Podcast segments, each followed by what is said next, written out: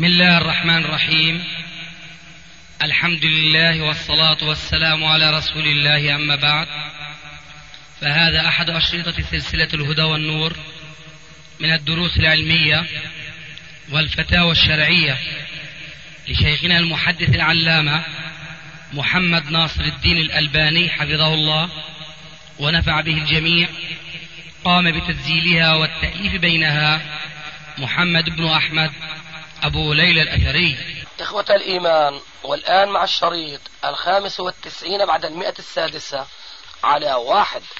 إخوة الإيمان تم تسجيل هذا المجلس في مدينة الصيف الأردن في السابع عشر من شهر رمضان المبارك 1413 هجري الموافق للعاشر من الشهر الثالث عام 1993 ميلادي. بسم الله الرحمن الرحيم. شيخنا بعض الأحباش تلاميذ عبد الله الحبشي قاموا بمخاطبة بعض نساء هذا البلد عن طريق الفطرة آه، يخاطبوهم كمثال يقول لهم من خلق المكان؟ فيجيب النساء الله.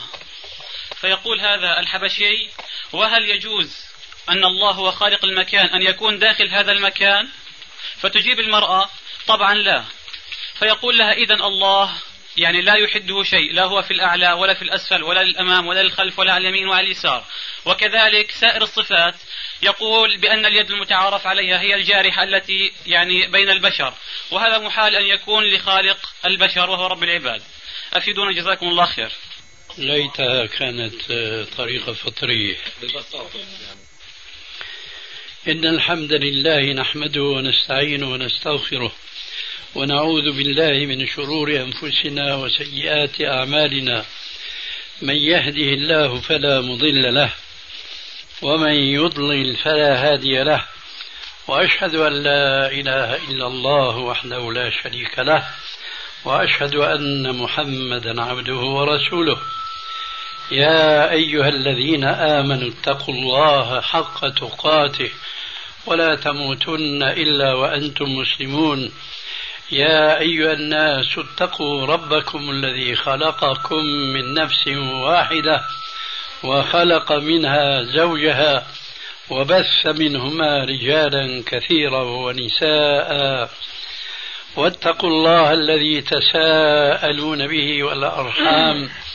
إن الله كان عليكم رقيبا. يا أيها الذين آمنوا اتقوا الله وقولوا قولا سديدا.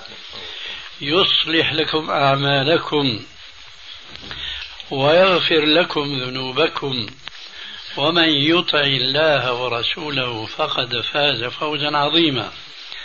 أما بعد فإن خير الكلام كلام الله وخير الهدي هدي محمد صلى الله عليه وآله وسلم وشر الأمور محدثاتها وكل محدثة بدعة وكل بدعة ضلالة وكل ضلالة في النار.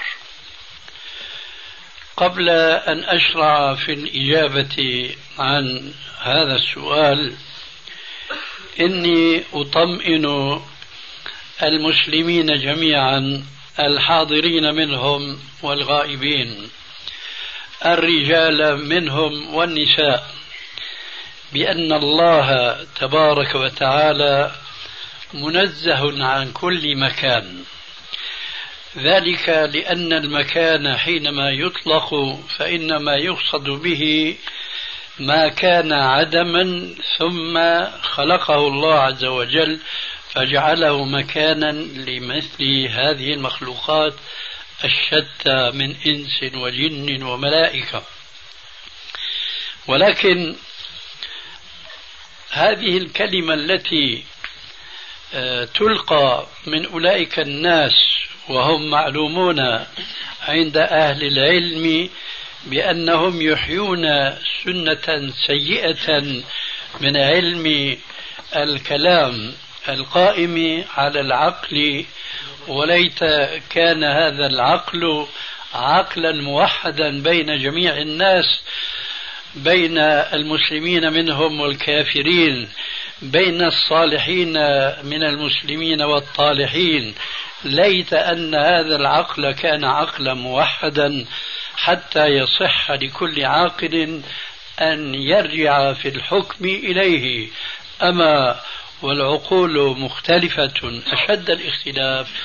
ولذلك كان من الحماقة بمكان عظيم أن يحكم هؤلاء المنتمون إلى الإسلام بإخلاص أو بغير إخلاص فحسابهم على الله.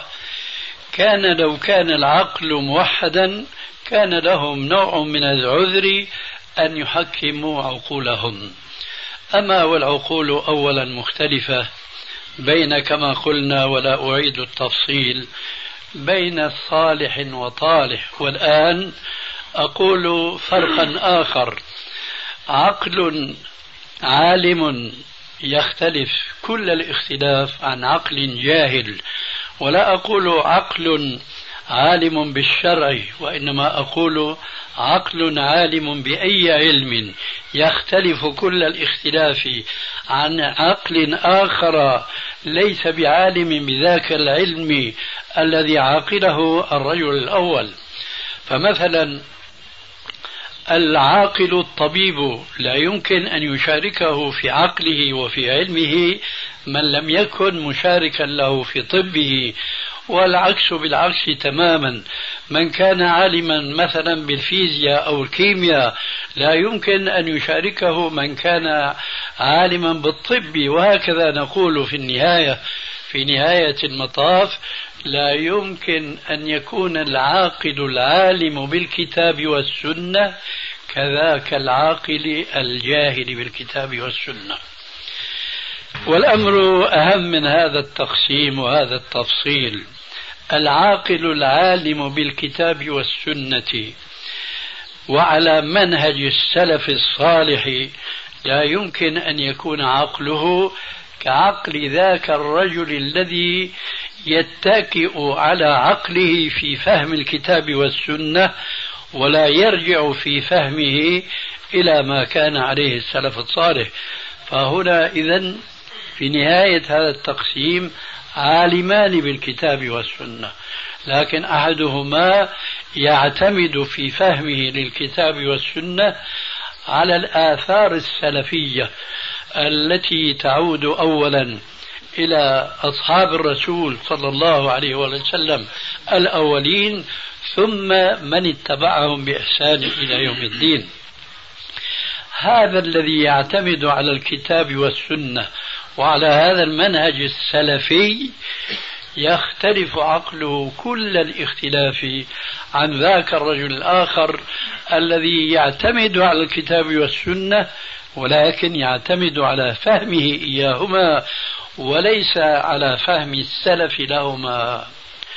هؤلاء الناس من علماء الكلام المحدثين أو أولئك العلماء العلماء الكلام القدامى كلهم يحكمون عقولهم ليت عقلهم كان معتمدا فقط على الكتاب والسنة وليس كالفريق الأول الذي يعتمد على الكتاب والسنة وعلى منهج السلف الصالح. لا أدري إذا كان هذا المكان يتطلب مني وقفة.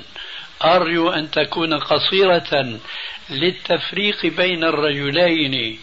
الأول الذي يعتمد على الكتاب والسنة ومنهج السلف الصالح والآخر الذي يعتمد على الكتاب والسنة دون أن يلوي رأسه وعقله وفهمه. إلى ما كان عليه سلفنا الصالح. لعل هذا لا يحتاج إلى توضيح أم يبدو أن الأمر بحاجة إلى شيء من التوضيح. نعم. هو كذلك. في ظنك؟ لا يحتاج. نعم. إذا كان هذا التفريق واضحا في أذهان إخواننا الحاضرين وأخواتنا الحاضرين الغائبين إذا كان هذا واضحا فأقول هذه فلسفة نعرفها من أخدم. شنشنة نعرفها من أخدم. حينما يعتمدون على الكلام ولا أقول على العقل بعد ذاك التفصيل وإنما على عقلهم فقط. يريدون أن ينزهوا الله عز وجل عن المكان وهو منزه عن المكان.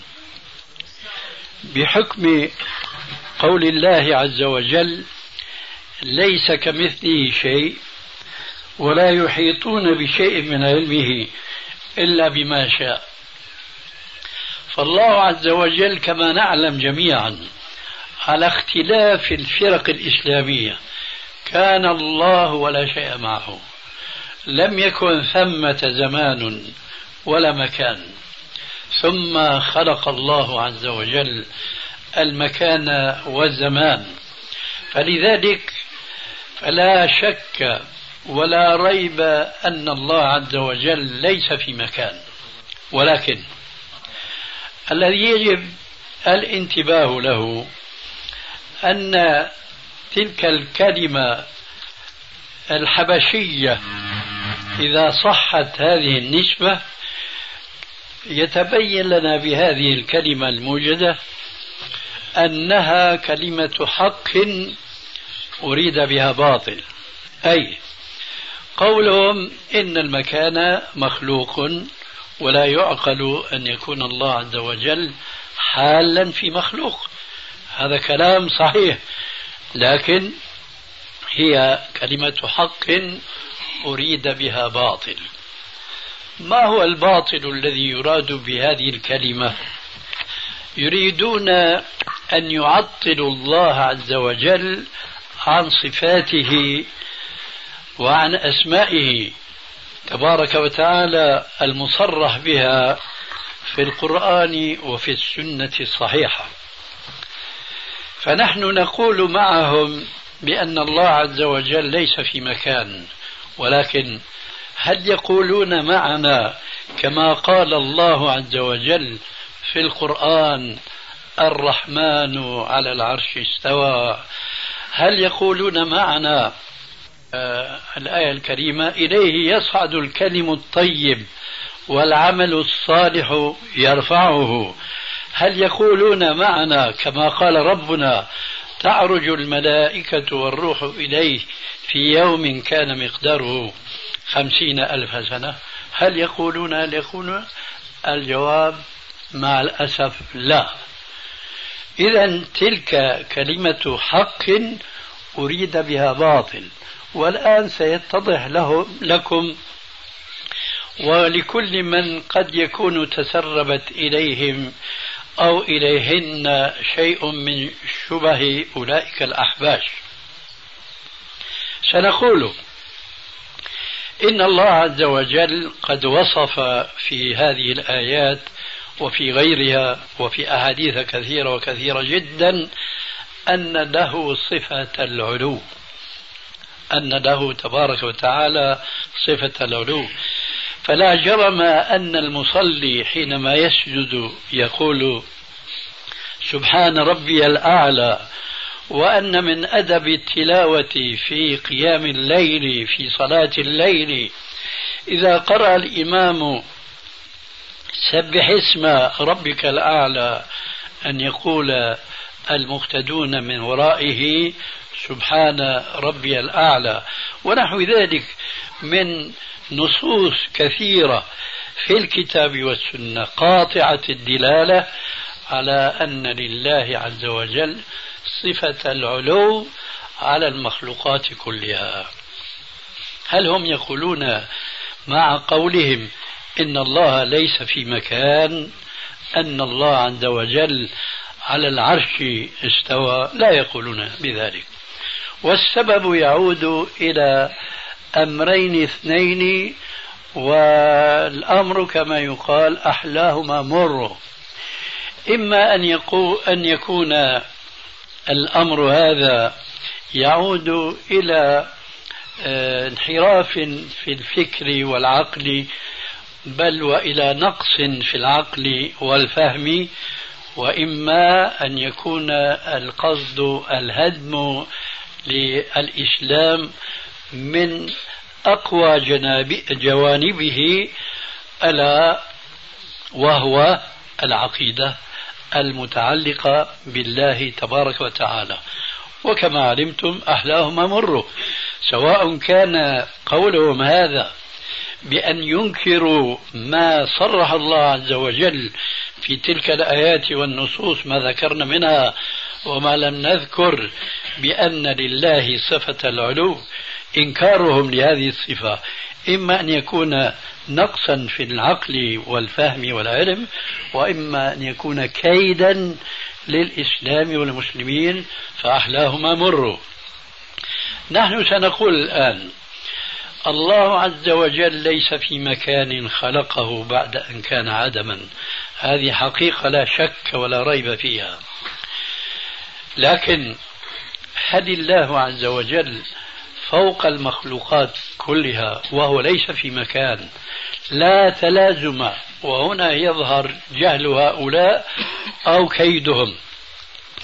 لا تلازم اطلاقا بين إثبات صفة العلو لله عز وجل على المخلوقات كلها وبين أن يكون هو في مكان لأن المكان حينما يطلق إنما يراد به شيئا كان مسبوقا بالعدم ثم خلقه الله عز وجل.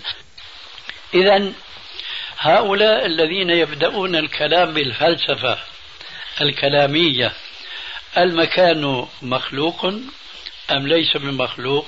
نعم هو مخلوق. هل يليق بالله عز وجل أن يكون في مكان خلقه؟ الجواب لا يليق. إذا كيف يقال إن الله في مكان؟ نقول لا أحد من المسلمين يقول إن الله في مكان إلا المنحرفين عن الكتاب والسنة. هناك طائفتان اثنتان. طائفة تثبت المكان لله ولعلكم تسمعون هذا الإثبات من ألسنة من ينتمون إلى أهل السنة والجماعة. من بين أظهرنا لا نذهب بكم بعيدا عنا. فأحدنا في بعض المجالس طالما سمع بأذنيه قائلا من المسلمين وليسوا من الأحباشيين. طالما سمعناهم يقولون الله في كل مكان. الله موجود في كل الوجود. هذه عقيدة ليست من عقائد المسلمين إطلاقا. وهذا إنما هو عقيدة طائفة من طائفتين انحرفتا عن العقيدة الصحيحة التي ذكرناها آنفا من المقطوع بها في القرآن وفي السنة وهي أن الله عز وجل على العرش استوى. هم المعتزلة قديما وحديثا. المعتزلة القدامى يصرحون بأن الله في كل مكان. ومن هؤلاء الطوائف التي لا تعرف اليوم باسم المعتزلة لكنهم يعرفون باسم آخر وهم طائفة من الخوارج الذين نعرف جميعا شيئا من تاريخهم ومن انحرافهم في كثير من العقائد الصحيحة تلك الطائفة الموجودة اليوم هم المعروفون بالإباضية. الإباضية الآن يتبنون عقيدة المعتزلة أن الله عز وجل في كل مكان. لا كلام لنا الآن مع هؤلاء لأنهم قد عرفتم بأنهم مبطلون حينما يحشرون الله عز وجل في كل مكان. لكن مع الأسف يجب أن تتنبهوا وأن تتذكروا أن هؤلاء الأحباش وأمثالهم حينما يلتقون مع بعض المسلمين أو المسلمات ويشككونهم في عقيدتهم الصحيحة وهي أن الله عز وجل على العرش استوى. كيف؟ لا كيف كما تعلمون. وهذا له بحث آخر. فبديل من بدل أن يعالجوا ما نسمعه في مجالس أهل السنة والجماعة كما يقولون اليوم إن الله موجود في كل مكان. بدل أن يعالجوا هذا الخطأ يعالجون عقيدة صحيحة باسم إنكار هذا الخطأ. فالمعتزلة قديما ومن على شاكلتهم من الإباضية حديثا يصرحون بأن الله في كل مكان وهذا ضلال ما بعده ضلال. ولعلنا نعرج لتفصيل شيء من هذا الضلال. أما الطائفة الأخرى فهم الذين يقولون إن الله ليس في مكان مطلقا. سواء كان المكان مكانا وجوديا أي الذي كان عدما ثم خلقه الله أو كان مكانا ذهنيا. كلنا يعلم كما ذكرت لكم آنفا بأن الله عز وجل كان ولا زمان ولا مكان. فهل كان في مكان؟ إن كان المقصود بالمكان المكان المخلوق فحاشاه. كان ولا شيء معه مطلقا. لكنه كان فكان في مكان إن كان المقصود في كلمة مكان مخلوق فحاشاه. أما إن كان في هذا العدم الذي كونه فيما بعد فجعل قسما منه خلقا بقوله كن فيكون. فالله كان وهو من هذه الحيثية لا يزال كما كان. أي ليس في مكان مخلوق. هذا واضح جدا. فالطائفة الأخرى ينكرون أن يكون الله عز وجل كما كان في الأزل ليس في مكان. ولذلك فهم لا يثبتون له صفة العلو على مخلوقات كلها. هؤلاء لهم قولة من أبطل ما يقوله كافر لا أقول مسلم. هؤلاء الفريق الثاني الذين يخالفون المعتزلة في ضلالهم. عرفتم المعتزلة يقولون إن الله في كل مكان هذا ضلال. واضح ولا يحتاج إلى بيان إن شاء الله على الأقل الآن. أولئك الذين يقولون الله ليس في مكان كما تقول المعتزلة وكما تقول الأحباش. هؤلاء لا يقولون إن الله عز وجل له صفة العلو على المخلوقات كلها لا يعلم كيفية ذلك إلا الله عز وجل. ماذا يقولون؟ يقولون اسمعوا الآن وانتبهوا وهذه عقيدة الأحباش فأرجو من تمكنوا من الوسوسة إليهم أن يعرفوا حصيلة وسوستهم ألا وهي جحد الخالق. جحد الخالق والمصير إلى الإلحاد المطلق كما هو مذهب الشيوعيين والدهريين والزنادقة والملاحدة الذين يقولون لا شيء إلا المادة. اسمعوا الآن ماذا يصفون ربهم. الله تبارك وتعالى يقولون لا فوق ولا تحت ولا يمين ولا يسار ولا أمام ولا خلف. لا داخل العالم ولا خارجه. ها نحن اتفقنا معهم. المكان مخلوق وهو العالم. فالله ليس داخل العالم ولكن ما بالهم يقولون؟ أيضا ليس خارج العالم. هذا هو الإلحاد وهذا هو الجحد المطلق. زاد بعضهم إغراقا في التعطيل وفي النفي فقالوا بعد أن قالوا لا داخل العالم ولا خارجه قالوا لا متصلا به ولا منفصلا عنه. هذا هو الجحد هذا هو الذي يقوله الدهريون جميعا. ويعجبني بهذه المناسبة مناظرة وقعت بين شيخ الإسلام ابن تيمية رحمه الله وجزاه عن الإسلام والمسلمين خيرا. وبين بعض علماء الكلام من أمثال الأحباش هؤلاء كانوا قد شكوا شيخ الإسلام ابن تيمية إلى حاكم البلد يومئذ في دمشق بأنه يقول كذا وكذا وكذا ويجسم ويتهمونه بما ليس فيه. وطلبوا عقد مجلس مناظرة معه. فاستجاب الأمير لذلك ودعا شيخ الإسلام ابن تيمية والمخالفين له. فجلسوا أمام الأمير. فسمع الأمير دعوى هؤلاء المشايخ وسمع من شيخ الإسلام الآيات والأحاديث التي تثبت لله عز وجل صفة العلو على خلقه مع التنزيه التام كما هو مصرح به في القرآن ليس كمثله شيء وهو السميع البصير. فلما سمع كلام الشيخ من جهة وكلائك وكلام أولئك العلماء من جهة أخرى قال وهذا يدل على عقل وذكاء ممتاز قال هؤلاء قوم أضاعوا ربهم. هذه كلمة حق. أناس يقولون عن ربهم باختصار ما في داعي نعيد عليكم الكليشة المصدية الآنفة الذكر. حسبكم أن تتذكروا الحصيلة. لا داخل العالم ولا خارجه. لا متصلا به ولا منفصلا عنه. صدق ذلك الأمير حينما قال عن هؤلاء الأقوام هؤلاء قوم أضاعوا ربهم.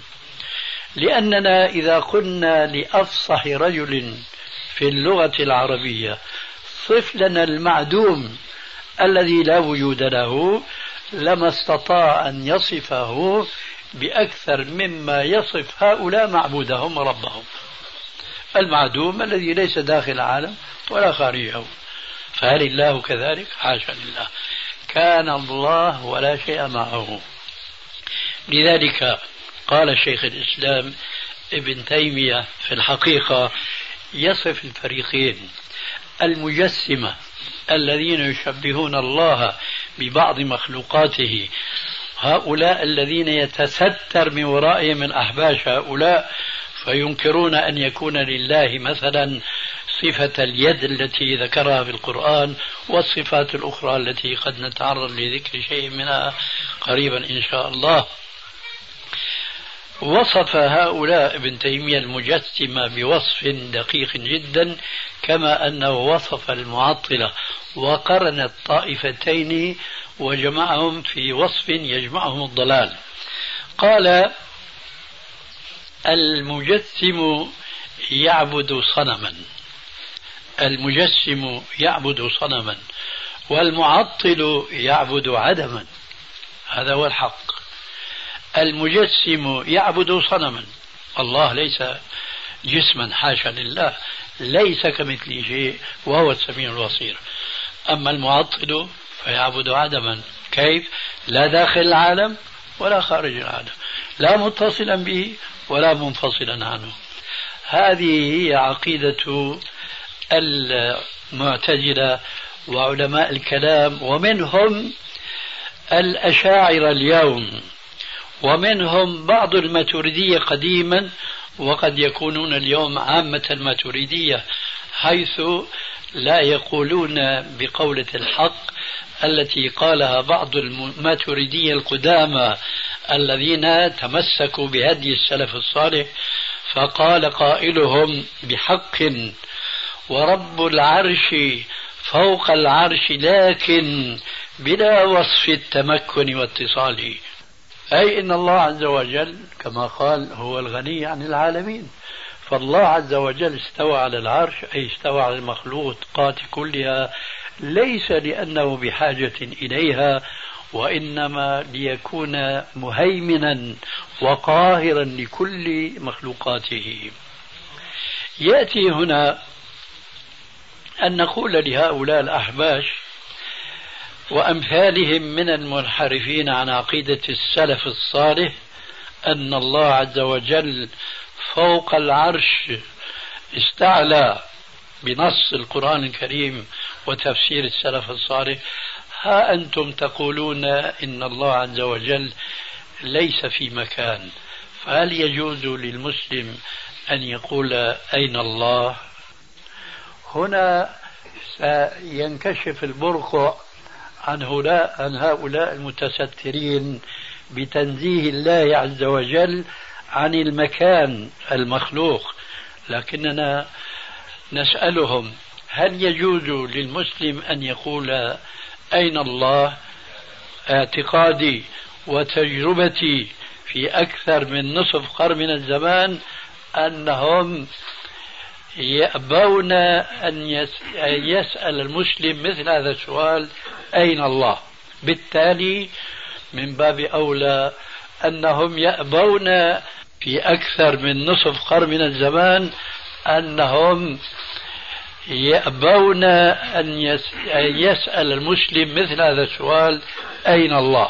بالتالي من باب أولى أنهم يأبون أن يكون هذا الجواب جواب هذا السؤال الله عز وجل في السماء.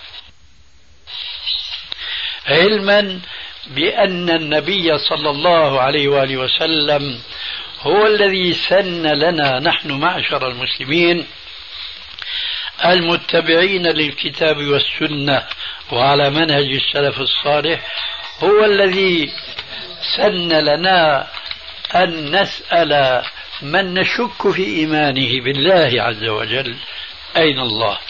وبالتالي سن لنا الجواب أن يكون هو الله في السماء.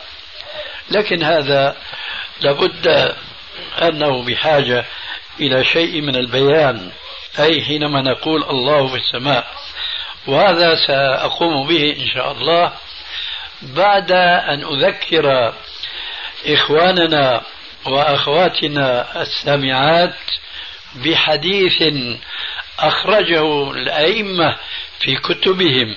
واتفق علماء الحديث وعلماء التفسير وفقهاء الأئمة الأربعة وغيرهم على صحة الحديث التالي. وقد أخرجه من أهل الحديث الإمام مسلم في صحيحه ومن قبله الإمام مالك في موطئه ومن بعده الإمام أحمد في مسنده وغيرهم كثير وكثير جدا ممن تبعوهم بإحسان. ذلك الحديث هو ما جاء بالسند الصحيح عن معاوية بن الحكم السلمي رضي الله تعالى عنه أنه صلى يوما وراء النبي صلى الله عليه وآله وسلم فعطس رجل بجانبه فقال له وهو يصلي يرحمك الله.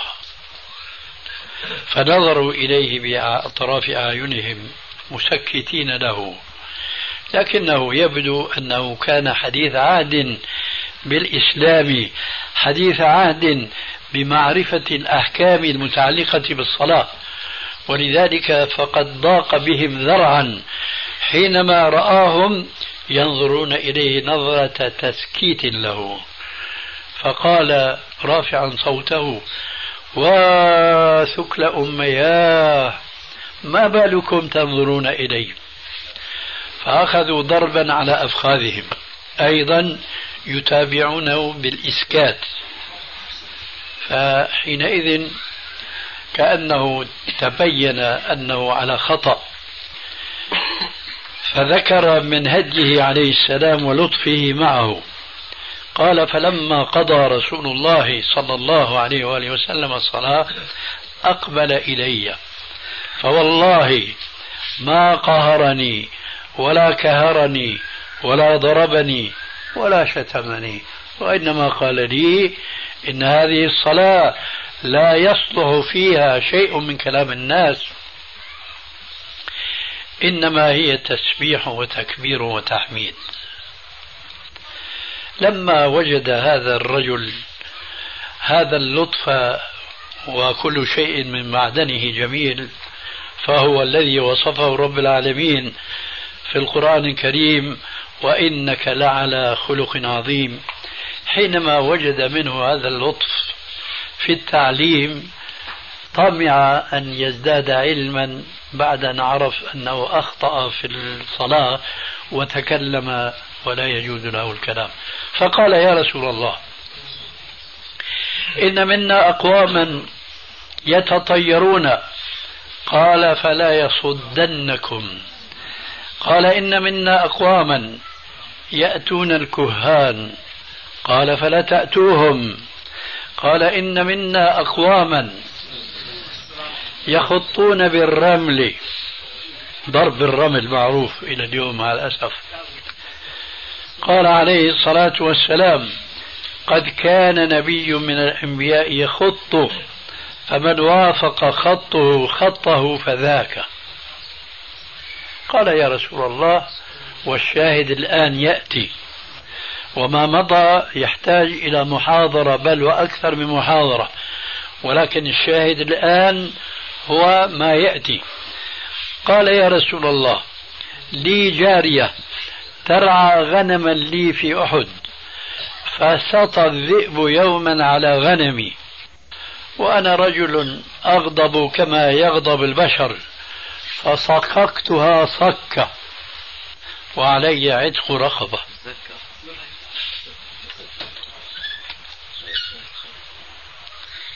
فقال عليه الصلاة والسلام هاتيها فلما جاء قال لها عليه الصلاة والسلام أين الله؟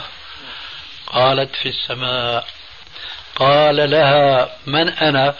قال أنت قالت أنت رسول الله. قال لسيدها اعتقها فإنها مؤمنة. اعتقها فإنها مؤمنة. هذا الحديث اتفق علماء المسلمين على اختلاف تخصصاتهم. من علماء الحديث وهذا تخصصهم. وعلماء تفسير وعلماء فقه وعلماء توحيد كلهم اتفقوا على تصحيح هذا الحديث. إلا علماء الكلام الذين يركبون رؤوسهم ويتبعون أهواءهم فهم الذين يردون هذا الحديث بعقولهم. العقول التي عرفتم أنها لا قيمة لها.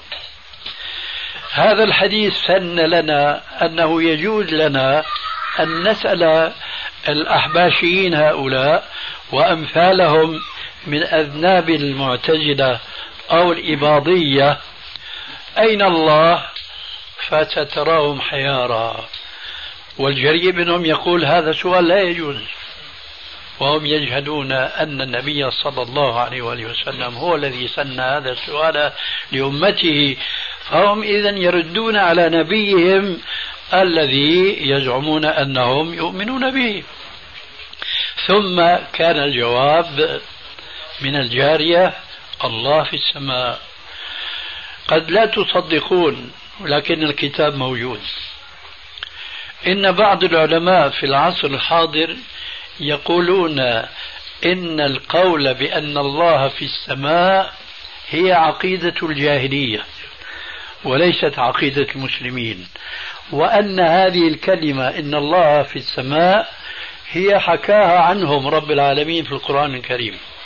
والله كما تعلمون من سورة تبارك آمنتم من في السماء أن يخسف بكم الأرض فإذا هي تمور أم أمنتم من في السماء أن يرسل عليكم حاصبا فستعلمون كيف نذير. هناك قسم آخر أقرب إلى الهدى وأبعد عن ضلال القسم الأول الذين قالوا إن القول بأن الله في السماء هو قول الجاهلية يتأولون هذه الآية بتأويل يقولون من في السماء يعني الملائكة وهذا من شؤم ما يسمونه بالمجاز إنهم يسلكون طرق المجاز لتعطيل الصفات الإلهية يأتي هنا أحاديث كثيرة لإبطال مثل هذا التأويل. من ذلك الحديث المتداول بين الناس اليوم ولكن أكثر الناس لا يعلمون بل لا يفقهون ما به يتكلمون. ذلك الحديث هو الراحمون يرحمهم الرحمن. ارحموا من في الأرض يرحمكم من في السماء. ارحموا من في الأرض يرحمكم من في السماء. من في السماء؟ هو الله. من في الأرض؟ خلق الله. من إنسان من حيوان من دواب إلى آخره. هذا الحديث لأنه يوضح المعنى المقصود من قوله تعالى في السماء. أأمنتم من في السماء؟ وهذا الذي قلت آنفا ربما نعرج لبيان معنى في السماء. لأن في من حيث الاستعمال العربي تأتي في بعض الأحيان بمعنى الظرفية وأحيانا تأتي بمعنى آخر من حروف الجر فتأتي بمعنى على فيا ترى في هنا في هذه الآية هل هو بالمعنى المعهود أي إنها ظرف الجواب لا. ومن هنا يظن علماء الكلام أنهم إذا نفوا أن يكون الله في السماء أنهم نزهوه. هم في الحقيقة نزهوه عن فهمهم الخطأ للآية. لكن قد أنكروا أن يقولوا كما قال الله الله في السماء. فجاهدوا معنى أن الله في السماء أنه على السماء. وذلك وفي ذلك أو في هذه الحالة يلتقي معنى هذه الآية مفسرا بالحديث السابق ارحموا من في الأرض يرحمكم من في السماء. من في الأرض ليس المقصود من كان في جوف الأرض من ديدان وحشرات وإلى آخره وإنما المعنى واضح جدا من على الأرض من تتعاملون معهم من بني جنسكم من الإنس أو مما ذلل الله لكم من الحيوانات.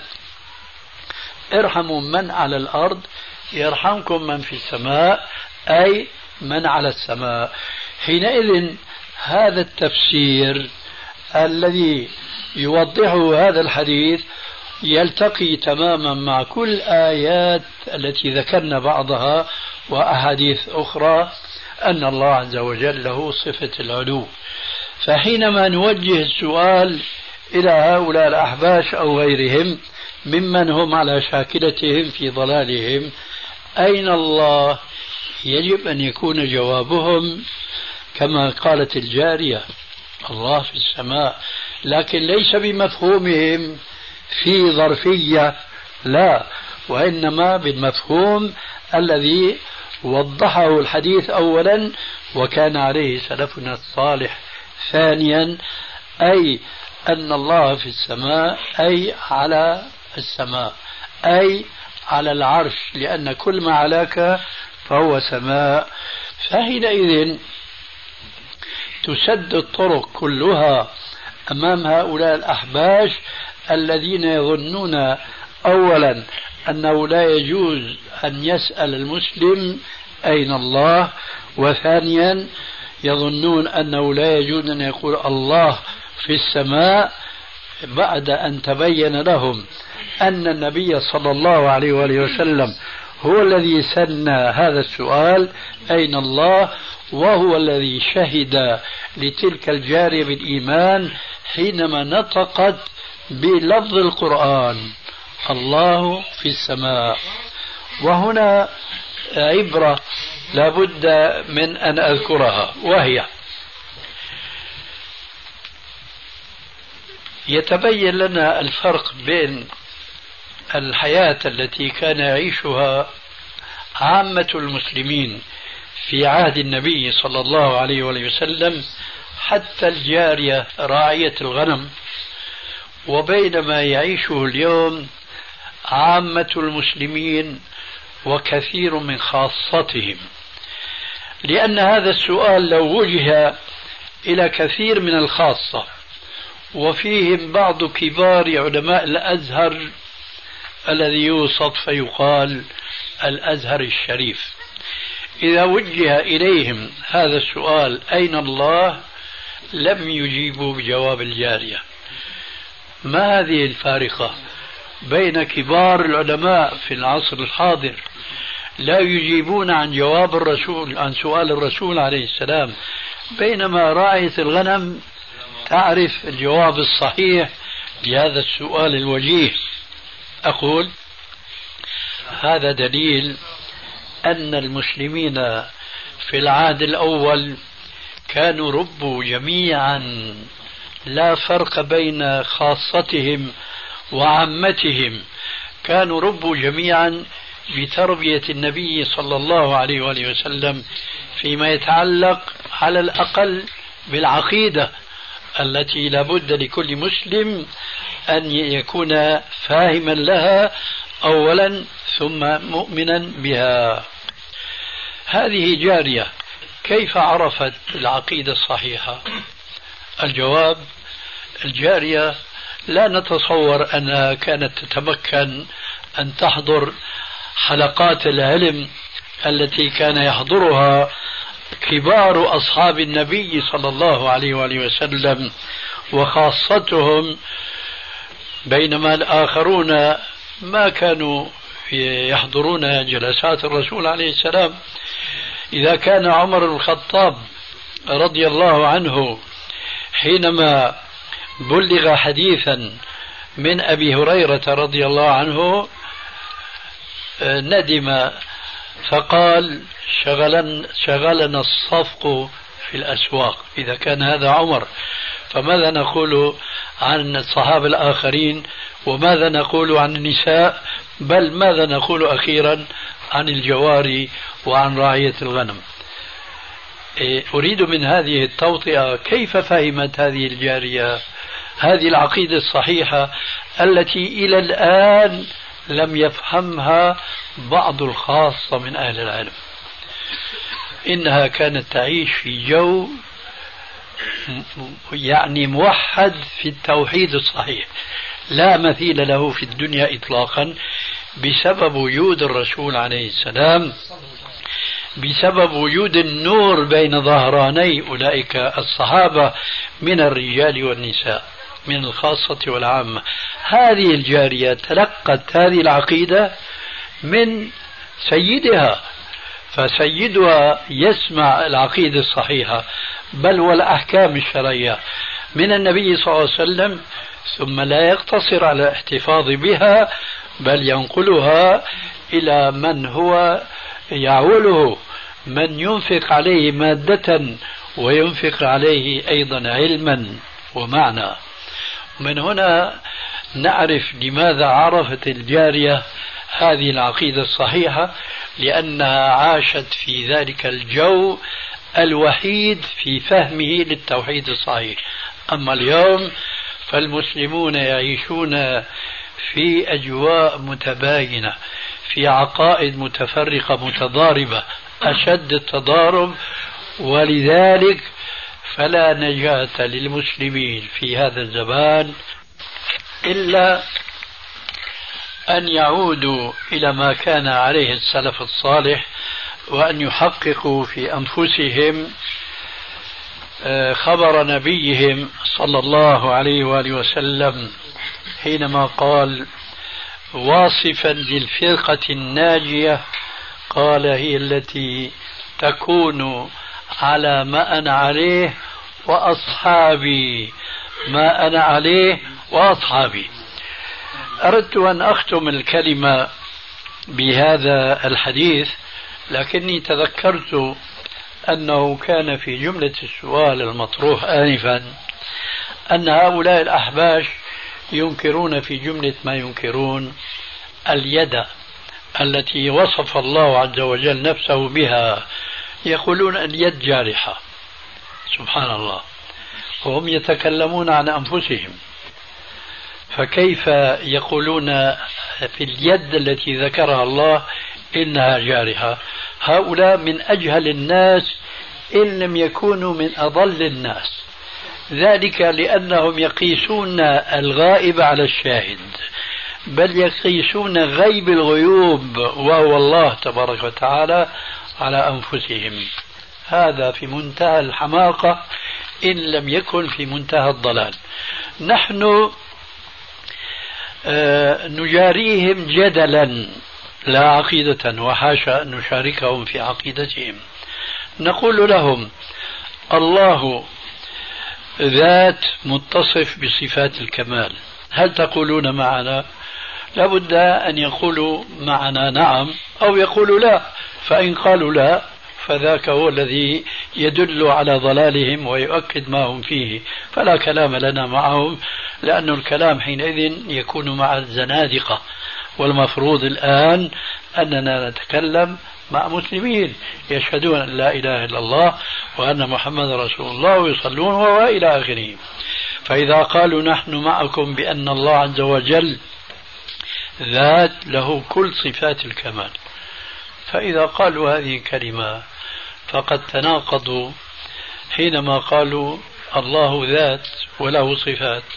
وأنت أيها المتكلم بكلام علماء الكلام حينما تقول اليد جارحة هذه جارحة بالنسبة لذاتك فهل ذاتك كذات الله أو ذات الله كذاتك؟ ستقول حاشا لله. ذاته ليست كذوات. وبالتالي صفاته ليست كسائر صفات المخلوقات. إذا انتهت المشكلة يا جماعة. انتهت المشكلة.